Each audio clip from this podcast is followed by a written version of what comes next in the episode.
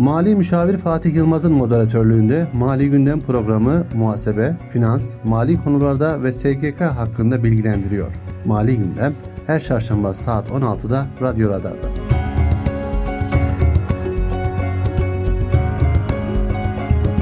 Mali Müşavir Fatih Yılmaz'ın hazırlayıp sunduğu Mali Gündem programı başlıyor. 91.8 Radyo Radar takipçileri ve Radyo Radar dinleyicileri. Herkese merhaba. Ben Mali Müşavir Fatih Yılmaz. Bir Mali Gündem programı ile sizlerle bu hafta yine birlikteyiz. Bu haftaki konumuz güncel vergi konularından değinilir ve bu konuda bizleri aydınlatacak değerli bir konuğumuz var. Mali Müşavir Ahmet Babayit. Hoş geldiniz Ahmet Bey. Hoş bulduk Fatih Bey. Nasılsınız? Teşekkür ederim. Siz nasılsınız? Bizler deyiz Ahmet Bey. Gerçekten bugün güncel vergi konularımız var. Evet. Ee, ama ondan önce 1-7 Mart muhasebe haftası. Evet. Buradan tüm meslektaşlarımızın haftası kutlu olsun. Buruk bir muhasebe haftası yaşıyoruz. Çünkü depremde e, yaşayan birçok meslektaşımız hayatını kaybetti. Hem Hatay'da olsun, hem Kahramanmaraş'ta olsun. Birçok e, meslektaşımız hayatını evet, kaybetti. Maalesef. Allah'tan rahmet diliyoruz. Aa. Yakınlarına sabır diliyoruz. Evet. Evet Ahmet Bey. E, deprem 6 Şubat'ta deprem oldu. E, ekonomik yönden etkilendik. E, canlarımız gitti tabii ki de. Hepsinden önce. Ama bir de ekonomik yönden etkilendik. Ve bu ekonomik etkilemeden dolayı mutlaka hem vatandaşlarımız olsun hem devletimiz olsun el birliğiyle yardımlar toplandı. Evet. Özellikle zihinlerde şöyle işte e, yardımlar hatta bir yardım gecesi düzenlendi. Evet. Yaklaşık 100 milyar gibi bir para toplandı. Evet. Afat ve Kızılay'a. Evet. İşte burada dendi ki çoğu işte vergiden kaçınmak için e, işte yaptığı bağışı vergiden düşürmek için diye akıllarda soru işareti bırakıldı. İşte Gelir Dairesi Başkanlığı bunu açıklık Açıklama getirdi. Yaptı. Peki bağış ve yardımlarda vergi indirim nasıl oluyor Ahmet Bey? Ee, Fatih Bey teşekkür ederim konu kaldığınız için. Ee, ülkemizin yaşanan bu yüzyılın felaketinde e, tüm Türkiye'ye geçmiş olsun diliyorum. Ee, Birçok meslektaşımızı kaybettik. Onun üzüntüsü içerisindeyiz. Ayrıca birçok vatandaşımız da burada vefat etmiş durumda. Yakınlarına başsağlığı diliyoruz. Geride kalan tüm hastalarda acil şifalar diliyorum. Ee, bu zor süreci inşallah birlikte atlatacağız tüm ülke olarak. Tüm ülke olarak atlatacağız inşallah. Ee, şöyle ki bu e, vatandaşlarımıza kurumlar tarafından, şahıslar tarafından birçok bağışlar yapıldı. Bu bağışlarda özellikle gelir vergisi e, ve kurumlar vergisi yönünde belli başlı e, hakları var şirketlerin ve vatandaşların. Bunlar şöyle ki gelir vergisi madde 89'da ve kurumlar vergisi e, madde 10'da bazı düzenlemeler söz konusu. E, şöyle bahsetmek gerekirse e, genel ve özel idareli kamu dairelerine, il özel idarelerine, belediyelere, köylere ve Cumhurbaşkanlığınca belirlenen vakıflara, derneklere yapılan bağışlarda normal şartlarda vergi matrağının %5'ini aşmamak şartıyla yapılan bağış ve yardımlar gelir vergisi matrağından indirilebiliyor. Yalnız burada özellikle bu durum ve geçen haftalarda yaşadığımız kampanyadan özellikle e, AFAD ve Kızılay'a yapılan bağışların ve yardımların tamamı vergi matrağından indirim konusu yapılabiliyor. Burada bir yanlış anlaşılma oldu tüm e, insanlarda işte tamamen vergiden düşülüyor, hiç vergi ödemeyecek gibi bir algı oluştu ama böyle bir durum söz konusu değil. Ee, burada durum açık örnek verecek olursak ilgili şirketin 500 bin TL bir karının vergilendirilebilir karın olması durumunda AFAD'a veya Kızılay'a bağış yapması durumunda örnek verecek olursak 500 bin lira bir matrahta 200 bin lira e, bağış yapması durumunda ilk ödeyeceği vergi 100 bin lirayken bağış yaptığı takdirde bu vergi 60 bin liraya kadar düşüyor. Ortalama 40 bin lira kadar bir bir menfaati söz konusu. Yanlış anlaşılan tutar şu, tamamının vergiden düşürülebileceği yönündeydi. Bu e, tamamı değil, vergi matrahından yapılan bağışın indirimi suretiyle kalan kısmın tekrar yine vergilendirilmesi gerekmekte.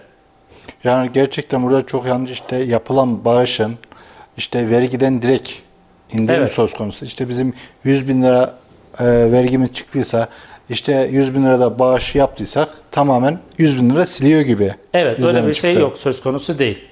Tamamen yapılan bağış matrahdan indirim konusu yapılıyor. Gel- Gelir vergisi beyannamesinde de kurumlar vergisi beyannamesinde kalan tutar yine aynı şekilde vergilendirmeye devam ediyor. Yani burada devletimiz büyük bir karı olmuş oluyor. Kesinlikle. E, Çünkü yani bir 100 bin lirayı almak e, biraz önce örnek verdiniz. Devlet vergisinden vazgeçmiş oluyor aslında burada bir yerde. Ama e, toplamda da 200 bin lira kar etmiş oluyor Evet.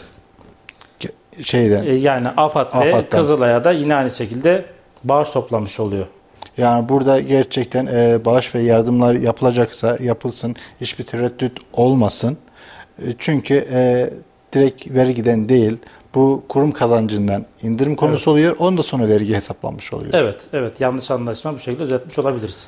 Bir de e, biliyorsunuz ki deprem bölgesine çadır ihtiyacı oldu. Konteyner ihtiyacı oldu. Evet. E, konteynerde işte bir KDV uygulaması çıktı. Bahsedebilir misin Ahmet Bey? Ee, bu son dönemde insanların birçok ihtiyacı olmaya başladı bu konuyla ilgili. Ee, deprem bölgesindeki e, konteyner kurulan konteyner kentlere tesliminde yıl sonuna kadar olmak şartıyla %1 KDV oranına düşürülmüştür 31-12'ye kadar. Bu kurulum dahil olmak üzere e, 31-12'ye kadar yapılan konteyner ve prefabrik ev teslimlerinde katma değer vergisi %1'e düşürülmüştür. Bu deprem bölgesine değil tamamen bu şekilde. Tamamen Evet, yani nereye evet, evet. Türkiye'nin neresini yaparsak yapalım. Evet, yapılsın konteyner teslimi %1 olarak uygulanacaktır. 31 tarihine kadar. Bu da işte konteyneri yapma ihtiyacı artmıştır. Yani devlet vergi alacağından %17 gibi neyi bir feragat etmiş oluyor. Ayrıca e, deprem bölgesindeki ihtiyaç nedeniyle konteynerin ihracatı da 3 ay süreyle 15 Şubat'tan itibaren 3 ay süreyle yasaklı hale gelmiştir. Yani ülkemizde üretilip yurt dışına gönderilmesi 3 ay süreyle durdurulmuştur. Tabii bu da önemli bir şey yani Türkiye'nin ihtiyacı Evet. e, dururken Yurt dışına Yurt dışına. satmak önceliğimiz kendi içerimizde olduğu için yurt dışına satışımız 3 ay süreli yasaklanmıştır. Peki Ahmet bir de e, Ahmet Bey OHAL süreci getirildi. E, biz daha önce de e, görmüştük ki Pandemide pandemi döneminde çok işte yaşadığımız bir e, durum. ekonomimiz durmuştu. Ve bu ekonomi durmasıyla işten çıkarmalar Evet. olmuştu. İşte işverenlerimiz e, maddi yönden sıkıntılara girmişti. Bunlarda ne kolaylıklar sağlandı? Ee, şimdi Fatih Bey deprem e, Kahramanmaraş merkezli olan depremde 11 tane şehrimiz OHA süreci kapsamına alındı. Bunlar Adana, Adıyaman, Diyarbakır, Elazığ, Gaziantep, Hatay, Maraş, Kilis, Malatya, Osmaniye, Şanlıurfa. 8 Şubat 2023 tarihine itibaren bu bölgelerde 3 ay süreyle olağanüstü hal ilan edildi. Cumhurbaşkanlığı kararnamesiyle. Biliyorsunuz ki o hal süreci içerisinde işte birçok şey özellikle emniyet sürecini etkileyen ve yargılama etkileyen birçok şeyler var ama bizim konumuz çok fazla buraya girmeyeceğiz. Ee, bizi ilgilendiren kısmı o hal sürecinde işten çıkartma yasağı. Pandemide olduğu gibi yine yaşayan iş kanununda ahlak ve iyi niyet kuralları ve iş yerinin kapanması ki dışındaki tüm şeylerde işten çıkartma yasağı uygulanacaktır. Yani personelin ahlak ve iyi niyet kurallarına aykırı bir davranışı var ise bu hariç bir de ayrıca iş yerinin kapanması neticesinde işten çıkartmalar hariç olmak üzere işten çıkartma yasağı uygulanacaktır o hal süreci içerisinde. Tabii işçinin istifa etmesi, emekli olması ki önümüzdeki e, dün itibariyle sana EYT itibariyle birçok kişi işten ayrılıp emeklilik Emekliye hak dilekçesini kazandı. hak kazanacak, emeklilik dilekçesi verecek ve iş yerlerinden çıkış almak zorunda kalacak. Bunlar hariç olmak üzere işveren tarafından çıkış yasağı o hal sürecinde durdurulmuştur. Yani işten çıkarma yasak olmuştur. Evet. Peki destek var mı? Bununla ilgili yine pandemide e, yaşadığımız durumda özellikle biz iş hayatına çok e, katkı sağlayan bir dönem. Kısa çalışma ödeneği ve nakit ücret desteği çok sık uyguladık biz mali müşavirler olarak. Firmalarımıza da ve personelde çok büyük destekler sağladı. Yine aynı şekilde bu OHA süreç e, deprem bölgesini etkileyen 11 şehrimizde kısa çalışma ödeneği, kısa çalışma ödeneği kapsamındaki süreler yetmiyorsa nakit ücret destekleri de yine uygulanmaya devam edecek. Yani burada da e, hem işverene olsun hem çalışan olsun bir katkı sağlanıyor. Kesinlikle. Yani çalışanlarımız için e, çalışmadığı süreler boyunca kısa çalışma ödeneği zaten devletimizin e, depremden etkilenen vatandaşlarımıza desteği söz konusu. Ayrıca çalışmadığı dönemler içinde böyle bir kısa çalışma ödeneği ve nakit ücret desteği gibi destekler de İşkur tarafından sağlanacaktır. E, biliyoruz ki işte pandemi sürecinde normalde kısa çalışma ödeneği işte e, doğal afetlerde olsun, ekonomik krizlerde olsun o şekilde çıkıyordu. Evet. Ama pandemi süreci bir yine ekonomik buhran Kesinlikle. şekline dönüştü. Normalde işte biz belgelerimizi hazırlardık.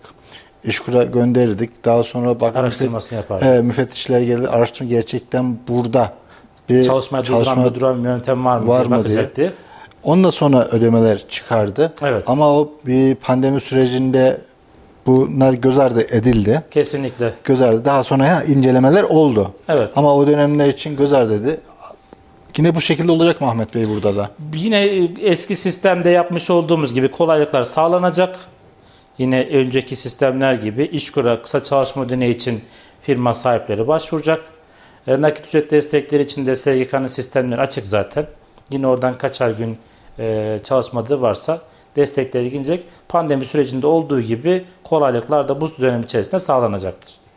Ee, bir de işte biz e, kamu kurumlarına e, iş yaptığımızda borç yoktur belgesi Evet. hem SGK'dan olsun hem vergi dairelerinden olsun. Evet. Bunda bir esneme var mı? Kamu kurumlarında e, alacaklarına göre e, borç yoktur talep ederler. Tüm kamu kurumlar yapacak ödemelerde e, bu 5000 lira üzerindeki ödemelerde borç yoktur talep eder. Bu deprem nedeniyle hem e, şirketlerin biraz daha nakit ihtiyaçlarını karşılamak ve e, borcu olan firmalara kolaylık sağlamak amacıyla e, tüm Türkiye genelinde 31.7 31 Temmuz tarihine kadar borç yoktur belgesi alam, aranmayacak. Tüm kamu kurum ve kuruluşlarının yapacağı hak ediş ödemelerinde. Yani borcu yoktur. Ee, 7. aya kadar ertelenmiş durumda. biliyoruz ki bir 7. ayın 31'ine kadar da büyük, e, o deprem bölgesinde kalan meslektaşlarımız olsun, Evet, mükelleflerimiz evet, maalesef. müzbir sebepleri de getirmiştir. Hangi beyannameleri kapsıyor, hangi ödemeleri kapsıyor? Ee, bu 11 şehrimizi etkileyen depremde Maliye Bakanlığı 6 Şubat 2023 tarihinden 31-7-2023 tarihleri arasında mücbir sebep ilan etti. İşte biliyoruz ki deprem, sel, doğal afet olmaz durumunda Maliye Bakanlığı mücbir sebep ilan edebiliyor. Bu 11 şehrimizde de Maliye Bakanlığı mücbir sebep ilan etti. Bu süre içerisinde verilmesi gereken tüm bildirim ve beyanname ve mükelleflerin ödevleri e, ertelenmiş oluyor. Bu ertelediğimiz tarihte 15 Ağustos 2023 tarihine kadar verilmesi gereken tüm mükellefler tarafından verilmesi gereken ödevler ertelenmiş oluyor. 15 Tem 15 Ağustos tarihinde bunlarla ilgili ödevlerini yerine getirecek. Ayrıyeten de bu vermiş olduğu beyannamelerle ilgili vergiler de yine aynı şekilde 31 Ağustos 2023 tarihine kadar ertelenmiş olacak. Yani pandemi sürecinde de işte biz mücbir sebepte Türkiye genelinde mücbir sebepleri de ilan edildi. İşte birçok beyannamemiz ertelendi. Birçok ödemelerimiz ertelendi vergi konusunda. Burada da aynı şekilde geçerli Evet. olacak. Pandemideki olan şeyler bir nebze olsun şu an için tekrar hayatımıza girdi. Verilmesi gereken beyannameler bu Sosyal Güvenlik Kurumu'na verilmesi gereken e, aylık prim hizmet belgelerini de kapsamakta. Yine aynı şekilde ödemeler de Ağustos'un sonuna kadar uzatılmış durumda. Burada da mükellefler olsun, işverenlerimiz olsun ve e, özellikle meslektaşlarımız olsun. Bir nebze olsun 7. ayın 31'ine kadar rahat olacaklar. Evet yaralarımızı sarmak adına ve rahatlamak adına çalışma hayatının normal dönmesi adına mükelleflerimize ve meslek mensuplarımıza verilmiş olan bir haktır. Bunun için ayrı bir dipnot açmak gerekirse Tabii ki. Ee, meslek mensubunun deprem bölgesinde olması ayrıyetten hizmet verdiği mükellefin deprem belgesinde olmaması kapsamında da yani örnek verecek olursak meslek mensubu Maraş'ta diyelim mükellefi İstanbul'da. İstanbul'da bulunan mükellef de mücbir sebep kapsamına giriyor. Neden? Ee, hizmet ve almış olduğu mali müşavirin deprem bölgesinde olması hasebiyle oradaki mükellef de yine aynı şekilde mücbir sebep hükümlerinden yararlanacaktır. Bu da bu şekilde oluyor. Evet. Yani öte- öteleme. Bir Yani öteleme. Çünkü meslek mensubunun hizmet aldığı e, mali müşavirinin deprem bölgesinde olup e, mücbir sebep kapsamına girdiğinden dolayı diğer illerdeki mükellefleri de tabi sözleşmesinin mücbir sebep ilan edildiği tarih içerisinde mücbir sebep sözleşmesinin yani hizmet sözleşmesi olması gerekiyor. olması gerekiyor. Evet. Olmayanlar bu kapsama girmeme, Girmiyor. Evet. Evet. Bir de işte e, KDV'de indirim söz konusu oldu. Bir de KDV tevki, tekifat var. İşte burada devletimizin peşin olarak tahsil ettiği bir tevkifat var. Burada bir değişiklik var mı? Evet, tevkifat çok sık artık karşımıza gelmeye başladı. Birçok konuda, birçok hizmette devlet vergi güvenliğini sağlamak adına e, bazı harcamalar, ödemeler üzerinden KDV tevkifatı yapmakta. E, En çok karşılaştığımızda işte biliyorsunuz e, demir çelik ürünlerinde, yük taşımacılığı hizmetlerinde, yapı denetim hizmetlerinde KDV tevkifatı yapılmakta. Yine aynı şekilde deprem bölgesinde firmaların nakit ihtiyacını karşılamak ve e, vergi yükünü bir nebze olsun azaltmak adına KDV tevkifatı uygulamasına yine aynı şekilde 31 Temmuz itibarine kadar ara verilmiştir. Buradaki kriterimiz alıcının yani tevkifat uygulayacak olan kişinin e, deprem bölgesindeki sayılan 11 il arasında bulunması. Bu iller arasında bulunuyorsa KDV tevkifatı uygulanmayacaktır. Özellikle son dönemde nakliyeciler oraya mal götüren Evet. nakliyecilerde bu soru çok sık karşımıza gelmeye başladı. Vermiş olduğu hizmetin karşılığında KDV tevkifatı uygulanmayacak. Yani burada da işte devlet e, yine alacağını ötelemiş oluyor bir dönem için. Evet. Çünkü biliyoruz ki e, alıcı tarafından iki nolu KDV beyannamesi verilecek. Alıcı tarafından ödeniyor Evet. KDV. Burada da bir rahatlama gelecektir. Evet, KDV tevkifatı mükelleflere biraz daha rahatlama sağlar. Bir de e, Ahmet Bey e, en çok BSBA forumlarımız var bizim. Evet. İşte e, önce bir belası. bir kolaylık getirmişlerdi ki işte 5000 altında yoksa bildirim yapıyoruz. İşte e-arşiv fatura kesiyorsa bildirim yapmıyoruz. E, e-fatura kesiyorsa bildirim yapılmıyordu. Tekrar e, birbirinden itibaren tekrar bir düzenleme yapıldı. Evet. Bu düzenleme nedir Ahmet Bey? Ee, Fatih Bey bildiğimiz kadarıyla yani bildiğimiz şeyle e, 5000 liraya geçen eski şeyle tüm alışlarımız, satışlarımız e, B formunda bildiriliyordu. Sizin de bahsettiğiniz gibi daha sonra getirilen kolaylıkla elektronik olarak düzenlenen e, tutar sınırına bakılmaksızın tüm belgeler B formuna dahil edilmemeye başladı. Yani son dönemlerde e, e-arşiv faturanın ve e-faturanın yaygınlaşması biz aslında B formlarımızı boş verir hale geldik. Yaklaşık yani 8-9 aylık bir süreçte sürekli boş beyanname, boş B formu göndermekteydik. E, Maliye Bakanlığı 12. ay içerisinde bir tebliğ yayınlayarak tekrardan e, boş verilen beyannameleri yani mükellefin tamamı alışlarının ve satışlarının tamamı elektronik olarak düzenleniyorsa ve boş B formu veriyorsa B formunu vermesine gerek yoktur dedi. Yani bir önceden boş, Boş veriyorduk. veriyorduk. Evet. Ee, e, tüm belgeler elektronik ortamda ise alış ve satışları mükellefin B formu vermesine gerek yok. Yalnız bazı durumlarda yine aynı şekilde şeyde B formu vermeye devam edeceğiz. Burada bir e, bir tereddüte düştü aslında meslek mensuplarımız. Biliyorsunuz Ocak ayı B formunun verilme süresi 28 Şubat yani dündü Evet. bir karmaşaya düştük. Bununla ilgili TÜRMAP bazı açıklamalarda bulundu. Şöyle ki e, mükellefin bazı belgelerde bazı harcamaları varsa yine B formu verilmeye Devam, devam, edecek. edecek. Bunlar neler? E, 5000 liraya geçen kağıt fatura varsa e, devam edecek. Biliyoruz 4400 liraya geçen 4400 TL'ye kadar olan e, alımlarda kağıt belge düzenlenebiliyor. Bu tarz bir mükellefin aynı kişiden e, 5000 liraya geçen kağıt faturası varsa B formuna dahil edecek. B A, formuna dahil edecek. Aynı şekilde noterden yapmış olduğu bir araç alımı varsa ya da notere yapmış olduğu harcamanın tutarı 5000 lirayı aşıyorsa B formuna dahil edilecek. 5000 TL'ye geçen bürüt kira ödemesi varsa yine aynı şekilde bu da B formuna dahil edilecek. Yapmış olduğu tüm ithalatların yine aynı şekilde B formuna dahil edilmesi gerekiyor. Ayrıca 5000 TL'ye geçen sigorta poliçeleri ve 5000 TL'ye geçen gider pusulası belgeleri de B formuna dahil edilmesi gerekiyor. Aslında Maliye Bakanlığı'nın da bunlarla ilgili tekrar bir düzenleme yapması gerekir günümüzün çağında. Yani şöyle ki noterden yapılan noter satış senetleri zaten noterler bilgi sistemine kayıtlı. Kayıtlı otomatikman sisteme düşüyor. Yani otomatikman görüntüleyebiliyor vergi dairesi bu tarz alımları. Ayrıca ithalatlar Gümrük Ticaret Bakanlığı sisteminde kayıtlı. Hangi mükellefin ne zaman ithalat, ihracat yaptığı Gümrük Ticaret Bakanlığı'nda görüntülenebiliyor. Sigorta poliçeleri zaten e, sigorta şirketlerinin mükelleflerin adına düzenlemiş olduğu belgelerde yine aynı şekilde kontrolü sağlanabiliyor. Brüt 5000 TL'ye geçen kira ödemeleri. Fatih Bey biz bunlarla ilgili muhtasar beyannamelerinde zaten beyan ediyoruz. 041 kodunda ve yapmış olduğumuz, tevkifat yapmış olduğumuz mülk sahibinde muhtasar beyannamede beyan ediyoruz. Aslında ayrıca B formunda da beyan etmemize gerek yoktur diye düşünüyorum.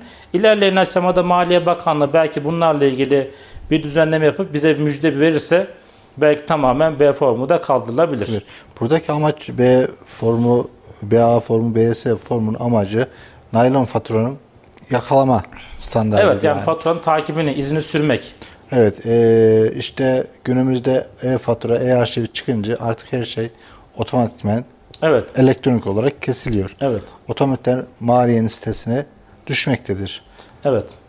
2021 yılı cirosu 4 milyonu aşan 2022'de de itibaren de müteakip yıllarda 3 milyonu aşan mükellefler takip eden ilk 6 ay içerisinde e-fatura, e-arşiv fatura geçmek zorunda. Bir sonraki yıl başında da e-deftere geçmek zorunda başında. Ee, günümüz şartlarında da 3 milyon TL aylık 250 bin TL gibi rakamlar ulaşıyor. Birçok firma e-fatura, e-arşive geçmeye başladı. Biz bürolarda da siz de e, biliyorsunuz. Evet. Birçok mükellefimiz e-fatura, e-arşive geçiyor. Elektronik belgeye de e, gayet alışmış durumdayız. E, vergi dairesinin maliyenin e-arşiv portalı biliyorsunuz artık mükellefler e, 5000 TL altını da orada Oradan kes, başladı. Kullanım kolaylığı oldu, pratikleşti. Mobil uygulamalar geliştirildi. Artık B formununda bir hükmü kalmadı gibi. Gibi. Ahmet Bey e, gerçekten verdiğiniz bilgiler çok önemli. İsterseniz bir soluklanalım, bir reklam arası verelim. Reklamlardan sonra devam edelim. Peki. Evet 91.8 Radyo Radar dinleyicileri kısa bir aradan sonra buradayız. Şimdi reklamlar. Üstün Alman teknolojisi ürünü Profilo artık Sivas Caddesi'nde. Evlenecekler, evini yenileyecekler, beyaz eşya ihtiyacı olanlar, avantajlı fiyatlarla beyaz eşya almak isteyenler. Sivas Caddesi Profilo mağazamıza bekliyoruz. Üstelik 36 aya varan taksit avantajıyla kart yok, kefil yok, peşinat yok. Profilo Sivas Caddesi'nde Emirgan Parkı karşısında. Oh be profilo varmış. Oh oh. Oh be profilo varmış.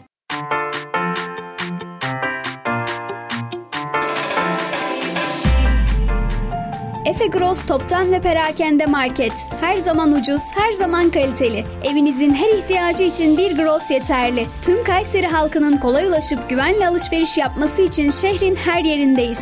Beştepeler Zümrüt, Esenyurt, Talas Bahçeli Evler, Karacaoğlu, Belsin, İldem, Anayurt, Yeşil Mahalle şubelerimizle siz değerli halkımızın hizmetindeyiz. Efe Gross Toptan ve Perakende Market. Telefon 444 3 407.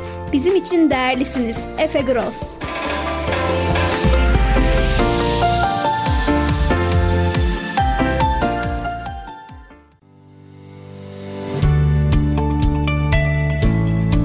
Kayseri'nin kuru yemişçisi Çerez 38. Çıtır çıtır kuru yemişler, damak tadınıza uygun lokumlar, lezzetli şekerlemeler, çeşit çeşit baharatlar, evinizin vazgeçilmezi bakliyatlar, taze çekilmiş sıcak tahin ve kahve çeşitleriyle Çerez 38 hizmetinizde. Kayserili işini bilir. Haydi Kayseri. Kayseri'nin kuru yemişçisi Çerez 38'e. İletişim 0533 330 08 Şube 1 Taceddin Veli Mahallesi Şehit Miralay Nazım Bey Bulvarı Bulvarı, Köylü Pazarı yanı Çifte Önü, Şube 2, Belsin Keykubat Mahallesi, İsmail Erez Bulvarı, Keykubat Tramvay Durağı 200 metre ilerisi.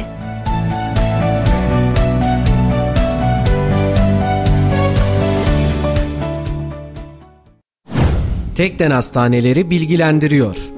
Meme kanserinden erken teşhisle kurtulmak mümkündür. Hiçbir yakınma olmasa bile 20-40 yaş arası kadınların 2 yılda bir kez, 40 yaş üzeri kadınların yılda bir kez meme muayenesi olması önerilmektedir. Tekden Hastaneleri bilgilendirdi. Bir imza düşünün. Olduğu her yere değer katan, hayat veren. Hayalleri gerçeğe dönüştürürken memleketin her karış toprağına güçlü projelerin temelini atan bir imza. İlkleri yaşatan aynı imza şimdi sizleri yeni projelerine davet ediyor. Bu imzayı tanıyorsunuz. Çünkü 5 yıldır olduğu her yerde farkını yaşıyorsunuz. En iyisini isteyenler için değeri her geçen gün artan yaşam projeleri Grup Avenir güvencesiyle Yozgat ve Kayseri'de. Reklamları dinlediniz.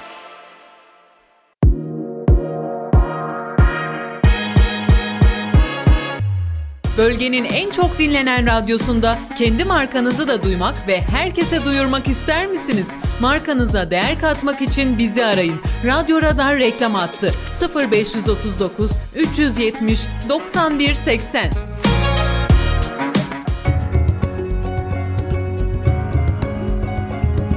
Mali Müşavir Fatih Yılmaz'ın hazırlayıp sunduğu Mali Gündem programı devam ediyor. Evet 91.8 Radyo Radar dinleyici ve Kayseri Radar takipçisi. Kaldığımız yerden devam ediyoruz.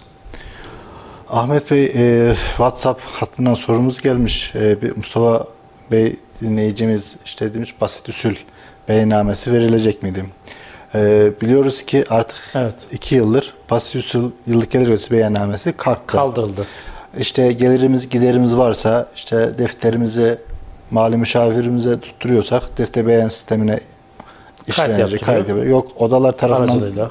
tutuluyorsa odalara belgelerimizi veriyor. Onları defter beyan sistemine kaydettiriyor. Ama yıllık gelir ödesi beyannamesi kalktı.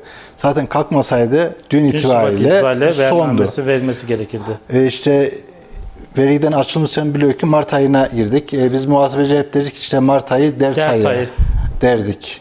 Evet. Beyanlar başlıyor. Bugün itibariyle e, 1 Mart 31 Mart arası gelir vergisi beyan dönemi başladı.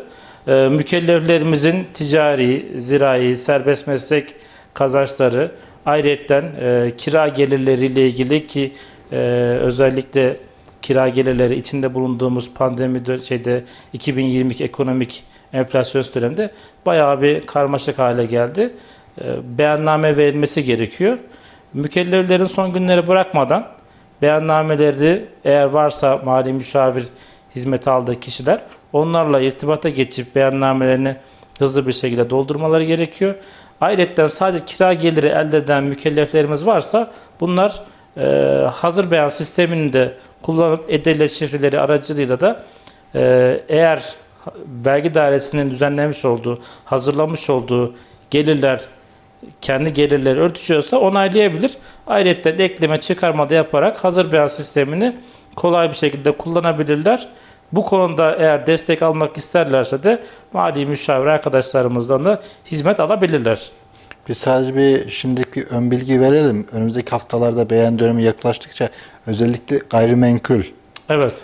olan e, evde kiraz kirası olan mükellefleri varsa detaylı bilgileri inşallah önümüzdeki haftalarda bir program içinde aktaracağız. Evet. Ama e, şimdiden e, bir uyarı yapalım da işte bugün itibariyle beyan sistemi açılmıştır. İşte artık gayrimenkulden dolayı kira beyan edecek mükelleflerimiz varsa beyan etsinler. Bu ayın sonuna kadar. Dediğimiz gibi işte bunun istisna türleri var. Götürü gider, gerçek gider. Evet. Neler. Bu detayları önümüzdeki haftalarda inşallah bir program, Başka bir düzen, programda. he, program düzenleyecek detaylı bir şekilde Evet. aktarır. Ee, kontrol etmelerinde fayda var. Ee, bir de çok sorular geliyor işte biliyoruz ki akşam meclisten EYT yasası geçti. Evet. Buna da kısa bir değinelim. Çünkü önümüzdeki haftada yine resmi gazete yayınladıktan sonra detaylı bir bilgi vereceğiz. Bu konuda neler söylersiniz? Dün itibariyle e, depremde aslında bayağı bir ertelendi. Normalde Şubat'ın ilk haftası çıkartılması gündemdeydi. Plan bütçe komisyonundan geçti. Genel kurula gelmesi bekleniyordu. Ama ülkemizde yaşanan e, felaketten dolayı ertelendi. Dün itibariyle dün gece meclisten geçmiş durumda EYT düzenlemesi. Bundan sonraki süreçte Cumhurbaşkanımızın imzalasından sonra resmi gazeteye yayınlanma süreci ve akabinde ilgili müdürlüklere genelgelerin geçerek işlemlerin başvurulmasını, işlemlerin başlamasını bekleyeceğiz. Çalışanlarımızın biraz acele etmemesinde fayda var. Kesinlikle. Ee, Daha yasa yeni yayınlandı. Evet, e, şöyle bir anlam işte meclisten geçtiği anda akşam Başvuru meclisten süreci. işte akşam meclisten geçti bir sabah emeklilik dilekçesi verilikli bir izlenim var. Evet, Bu öyle sorular gelmeye önce, başladı. Evet, önce Cumhurbaşkanı imza, imzalayacak. Cumhurbaşkanı imzaladıktan sonra resmi gazetede yayınladıktan sonra kanun yürürlüğe girmiş olacak. Evet kesinlikle. Süreç aslında çok zor bir şey değil. Eğer kişi çalışıyorsa çalıştığı iş yerinden işten ayrılış bildirgesini düzenletip çıkışını alıp yani e, kuruma Sosyal Güvenlik Kurumu'na E-Devlet üzerinden isterse başvurabilir rahat bir şekilde. E, hem hangi bankadan aylık almak istiyorsa onu seçerek başvuruda bulunabilir. Ayrıca de kağıt ortamında en son çalışmış olduğu şehirdeki Sosyal Güvenlik Kurumu'na başvurmak suretiyle e, emeklilik işlemlerine başlayabilir. Buradaki dikkat etmemiz gereken şey şu. e, kişi eğer çalışma işine, çalışma hayatına devam etmek istiyorsa, aynı emekli olarak çıktığı iş yerine devam etmek istiyorsa 10 gün içerisinde tekrar iş yeri tarafından işe girişin Ahmet Bey, yapılması ve bu süre 30 güne çıkarıldı. Evet. Son O- e, teklif verilerek mağaza 30 güne çıkarıldı. 30 gün içerisinde işe girmesi durumunda %5'lik sigorta teşviki uygulaması emekli de olmak üzere yapılan kişilere devam edecek. Ee, buradaki şeyimiz, kriterimiz aslında emekli maaşının hemen başvurulması, hemen aylık bağlanması değil. Biliyorsunuz ki dilekçe verildikten sonra takip eden ayın başından itibaren emekli aylığı bağlanıyor. Yani kişinin 1 Mart'ta ya da 31, 31 Mart'ta, Mart'ta vermesinin hiçbir farkı yok. Yani bir erken vereyim, erken emekli aylığım alayım algısı anlaşılmasın. 1 Mart ya da 31 Mart'ta vermesi durumunda her halükarda 1 Nisan'da emekli aylığı Hak almaya kazanacak. başlayacaklar. Yani ilk emekli aylıkları da Nisan ayı içerisinde ödenmeye başlayacak. Bir internet yoluyla başvuru yaparlar. E-Devlet şifresi aracılığıyla. İki e, gidip Sosyal Güvenlik Kurumu'na Yazılı bizzat olarak. yazılı olarak. Üç de işte matbu e, formu güncelledi. Evet. SGK'mıza. Matbu form dilekçeyi alarak iadeli taahhütte Evet, gönderebilirler. gönderebilirler, Gönderebilirler. Başka eklemek istediğin bu vergi güncel konularda var mı Ahmet Bey? Ee, evet, bir vergi haftası içerisindeyiz. 1-7 Mart arasında. Bugün de 1 Mart Muhasebeciler Günümüz. Tüm meslektaşlarımızın gününü kutluyoruz. Yoğun bir döneme girmiş bulunmaktayız. Biz meslek mensuplar olarak Mart, Nisan ve devamında Mayıs ayı bizler için yoğun bir şekilde geçecek. Tüm meslek mensubu arkadaşlarımıza da bu süre içerisinde kolaylıklar diliyorum. Mükelleflerimize de e, beyannameleri konusunda geç kalmamalarını Mart ayı ve Nisan ayı içerisinde gerektiği belgeleri de teslim etmelerinde erkenden teslim etmeye fayda var. Peki 1-7 Mart muhasebeciler hafta muhasebe haftası dedik. Biliyorsunuz birçok meslektaşımın sorunları var, sıkıntılar var. Bu sıkıntılar nelerdir Ahmet Bey? Evet, e, bizim sıkıntılarımız uzun zamandır süre geliyor. Bu- Bugün olması hasebiyle de en büyük sorunlarımızdan bir tanesi haksız rekabet ve akabinde de e, tüm meslek mensuplarımız olduğu gibi kota mevzusu. Bununla ilgili TÜRMOP ve ilgili odalar çalışmalar yapıyor. Aslında sorunun kaynağı kendimizde e, başlıyor ama bununla ilgili Maliye Bakanlığı'ndan sorunların çözümü, haksız rekabet, ee, ve kota sorunun çözülmesi en büyük sorunumuz. Bu sorunlar çözdükten sonra mesleğimizin daha iyi yere geleceğinden hiç şüphemiz yok. Evet Ahmet Bey, programımızın sonuna doğru geliyoruz. Eklemek istediğiniz Ee, konuk olarak beni aldığınız için teşekkür ederim. Ee, tüm ülkemize geçmiş olsun diliyorum. Ee, depremden etkilenen insanlarımıza da Allah yardımcılar olsun. Devletimiz tüm ekipman şeyleriyle, tüm kurumlarıyla e, deprem bölgesinde olduğunu bir kez daha hissettirdi. Ee, tüm ülkemize geçmiş olsun. çok teşekkür ederiz. Evet, 91.8 Radyo Radar dinleyicileri, Kayseri Radar takipçileri. Bu haftaki konumuz güncel vergi konularıydı. Çünkü özellikle bağış ve yardımlarda birçok kafada soru işaretleri olmuştu. Ahmet Bey açıklık getirdi. Haftaya farklı konularla, farklı konuklarla görüşmek üzere. Hoşçakalın. Mali Müşavir Fatih Yılmaz'ın hazırlayıp sunduğu Mali Gündem programı sona erdi.